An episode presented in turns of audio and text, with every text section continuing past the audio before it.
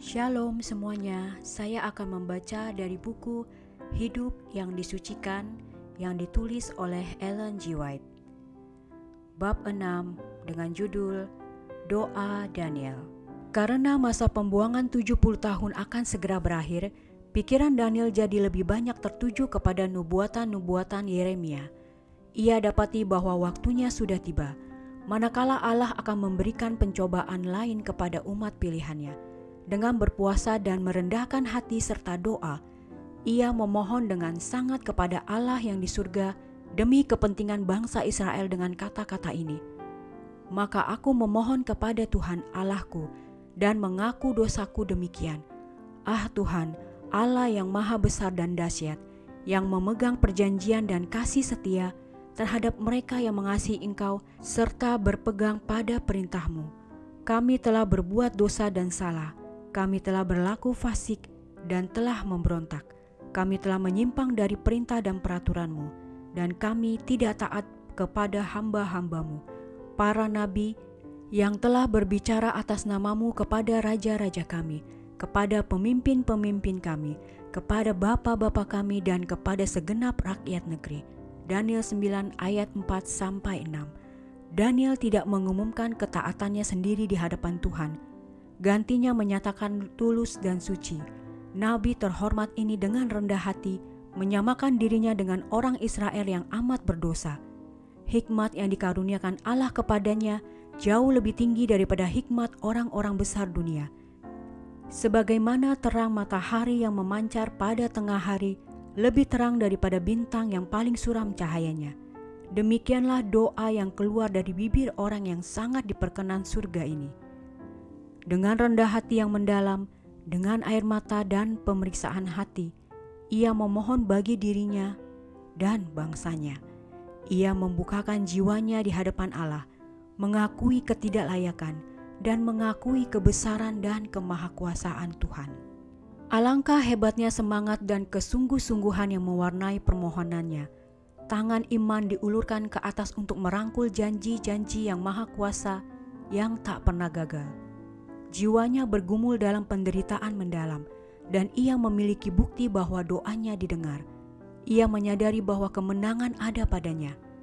Jika sebagai suatu umat kita mau berdoa seperti Daniel, bergumul seperti dia, merendahkan diri kita di hadapan Allah, kita pasti mengetahui tanda jawaban terhadap doa dan permohonan kita, seperti jaminan yang diberikan kepada Daniel. Dengarlah bagaimana ia mengajukan kasusnya ke tahta surga. Ya Allahku, arahkanlah telingamu dan dengarlah. Bukalah mataku dan lihatlah kebinasaan kami dan kota yang disebut dengan namamu.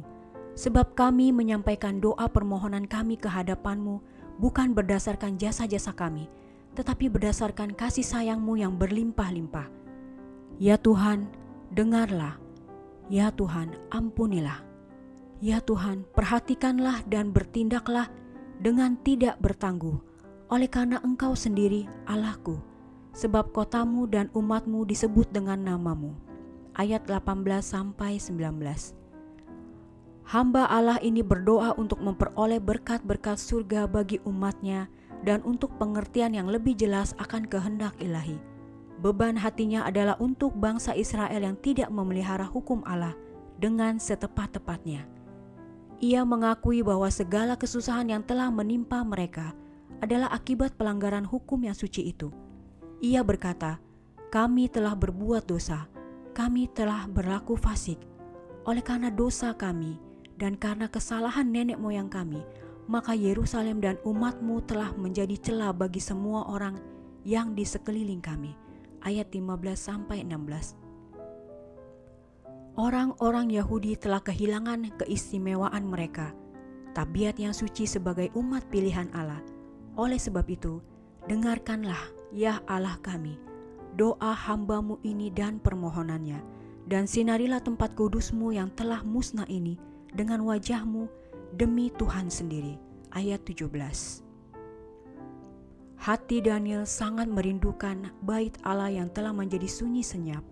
Ia tahu bahwa kesejahteraannya dapat pulih bila bangsa Israel bertobat dari pelanggaran hukum Allah, lalu merendahkan hati, setia, dan menurut. Sementara Daniel terus berdoa, malaikat Gabriel bergegas turun dari tahta surga, menyampaikan kepadanya bahwa permohonan dan doanya telah didengar dan dijawab. Malaikat yang perkasa ini telah ditugaskan untuk memberikan kepadanya kecakapan dan pengertian, untuk menyingkapkan di hadapannya rahasia masa mendatang. Dengan demikian, karena sungguh-sungguh mau mencari dan memahami kebenaran, akhirnya utusan surga pun mendatangi Daniel. Menjawab permohonannya, Daniel bukan hanya menerima terang dan kebenaran yang ia dan umatnya sangat butuhkan, tetapi juga suatu penglihatan tentang peristiwa-peristiwa besar yang akan terjadi, bahkan tentang kedatangan Sang Penebus dunia. Mereka yang mengaku suci tetapi tidak mempunyai kerinduan untuk menyelidiki kitab suci atau bergumul dengan Allah di dalam doa untuk mengetahui dengan jelas kebenaran kitab suci. Sesungguhnya tidak mengerti apa sebenarnya penyucian itu. Daniel berbicara dengan Allah, surga terbuka di hadapannya, tetapi kehormatan besar yang diberikan kepadanya adalah hasil dari kerendahan hati dan kesungguh-sungguhan mencari Dia. Semua orang yang dengan segenap hati mempercayai firman Tuhan akan lapar dan haus untuk mengetahui kehendaknya. Allah lah sumber kebenaran ia menerangi kegelapan, pengertian, dan menganugerahkan kepada pikiran manusia kuasa untuk mengerti dan memahami kebenaran yang telah dinyatakannya. Dalam kesempatan yang baru digambarkan tadi, malaikat Gabriel menyampaikan kepada Daniel segala petunjuk yang sanggup diterimanya. Namun, beberapa tahun kemudian, nabi yang ingin lebih banyak mengetahui itu belum mendapat keterangan yang lengkap dan sekali lagi ia merendahkan diri untuk memperoleh terang dan hikmat dari Allah. Pada waktu itu aku berkabung tiga pekan penuh, makanan yang sedap tidak kumakan, daging dan anggur tidak masuk ke dalam mulutku, dan aku tidak berurap sampai tiga pekan penuh. Ku angkat mukaku, lalu kulihat, tampak seorang yang berpakaian kain linen dan berikat pinggang emas dari ufas. Tubuhnya seperti permata tarsis dan wajahnya seperti cahaya kilat, matanya seperti suluh yang menyala-nyala, lengan dan kakinya seperti kilau tembaga yang digilap, dan suara ucapannya seperti gaduh orang banyak. Daniel 10 ayat 2 sampai 6. Penglihatan ini sama dengan yang diberikan kepada Yohanes ketika Kristus dinyatakan kepadanya di Pulau Patmos. Rupa orangnya tidak berbeda dari anak Allah yang diperlihatkan kepada Daniel Tuhan kita datang dengan malaikat surga lainnya untuk mengajar Daniel apa yang akan terjadi pada hari-hari terakhir. Kebenaran-kebenaran agung dinyatakan oleh Sang Penebus dunia diperuntukkan bagi mereka yang mencari kebenaran seperti harta tersembunyi. Daniel sudah lanjut usia, kehidupannya telah dilewatkan di tengah-tengah istana kafir yang luar biasa. Pikirannya dibebani dengan berbagai peristiwa yang terjadi dalam kerajaan besar itu. Namun ia berpaling sejenak dari semua itu untuk menghadapkan penderitaan jiwanya di hadapan Allah dan mencari pengetahuan tentang maksud-maksud yang maha tinggi. Dan menjawab permohonannya, terang dari surga diberikan bagi mereka yang hidup pada hari-hari terakhir. Karena itu, sudah seharusnya kita dengan segala kesungguhan hati mencari Allah agar ia boleh membuka pengertian kita untuk memahami kebenaran yang diberikan dari surga.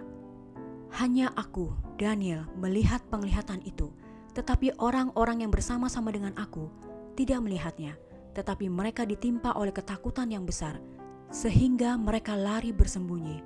Hilanglah kekuatanku, aku menjadi pucat sama sekali, dan tidak ada lagi kekuatan padaku. Ayat 7 8. Semua orang yang benar-benar disucikan akan memperoleh pengalaman yang sama. Makin jelas penglihatan mereka tentang kebesaran, kemuliaan, dan kesempurnaan Kristus, makin jelas pula mereka akan melihat kelemahan dan ketidaksempurnaan mereka. Mereka tidak cenderung untuk mengaku mempunyai tabiat yang tidak berdosa, yang tampaknya benar menurut pertimbangan mereka, tetapi bila dibandingkan dengan kesucian dan kemuliaan Kristus, hanya akan terlihat tidak layak dan penuh cacat celah. Itulah yang terjadi bila manusia terpisah dari Allah, bila mereka mempunyai pandangan yang samar-samar tentang Kristus, sehingga mereka boleh berkata, "Saya tidak berdosa, saya suci." Kembali malaikat Gabriel menampakkan diri kepada nabi itu. Demikianlah dikatakannya kepadanya, "Daniel, engkau orang yang dikasihi, camkanlah firman yang kukatakan kepadamu, dan berdirilah pada kakimu, sebab sekarang aku diutus kepadamu. Ketika hal itu dikatakannya kepadaku, berdirilah aku dengan gemetar. Lalu katanya kepadaku, Janganlah takut Daniel, sebab telah didengarkan perkataanmu sejak hari pertama engkau berniat untuk mendapat pengertian dan untuk merendahkan dirimu di hadapan Allahmu dan aku datang karena perkataanmu itu. Ayat 11 sampai 12. Alangkah besarnya kemuliaan dan hormat yang dinyatakan oleh Yang Maha Kuasa kepada Daniel. Ia menghibur hambanya yang gemetar itu dan meyakinkan dia bahwa doanya telah didengar surga. Untuk menjawab permohonan yang bersemangat itu, malaikat Gabriel diutus untuk mempengaruhi hati Raja Persia. Raja menolak pengaruh roh Allah selama tiga pekan ketika Daniel berpuasa dan berdoa. Tetapi penghulu bala tentara surga, penghulu malaikat Mikhail diutus untuk membalikan hati raja yang keras kepala itu agar mengambil keputusan yang menentukan untuk menjawab doa Daniel. Ketika dikatakannya hal ini kepadaku, kutundukkan mukaku ke tanah dan aku terkeluh. Tetapi sesuatu yang menyerupai manusia menyentuh bibirku. Hai engkau yang dikasihi, Janganlah takut, sejahteralah engkau. Jadilah kuat, ya, jadilah kuat. Sementara ia berbicara, kembali aku merasa takut dan berkata, Berbicaralah kiranya Tuanku, sebab engkau telah memberikan aku kekuatan. Ayat 15-19 Begitu besar kemuliaan ilahi yang dinyatakan kepada Daniel, sehingga ia tak dapat menahan cahaya kemuliaan itu. Kemudian juru kabar surga itu menudungi terang hadiratnya dan tampak kepada nabi itu seperti sesuatu yang menyerupai manusia. Ayat 16. Dengan kuasa keilahiannya, ia menguatkan orang yang setia dan patuh ini untuk mendengarkan pekabaran yang disampaikan Allah kepadanya. Daniel adalah seorang hamba yang maha kuasa yang penuh penyerahan. Umurnya yang panjang itu diisi dengan pelayanan yang penuh kebajikan kepada tuannya Kesucian tabiatnya dan keteguhan hati yang tak tergoyahkan hanya bisa disamakan dengan kerendahan hati dan penyesalannya di hadapan Allah. Kita ulangi, kehidupan Daniel adalah suatu contoh yang diilhamkan tentang penyucian sejati. Demikianlah bacaan buku hidup yang disucikan, bab 6 doa Daniel. Tuhan memberkati.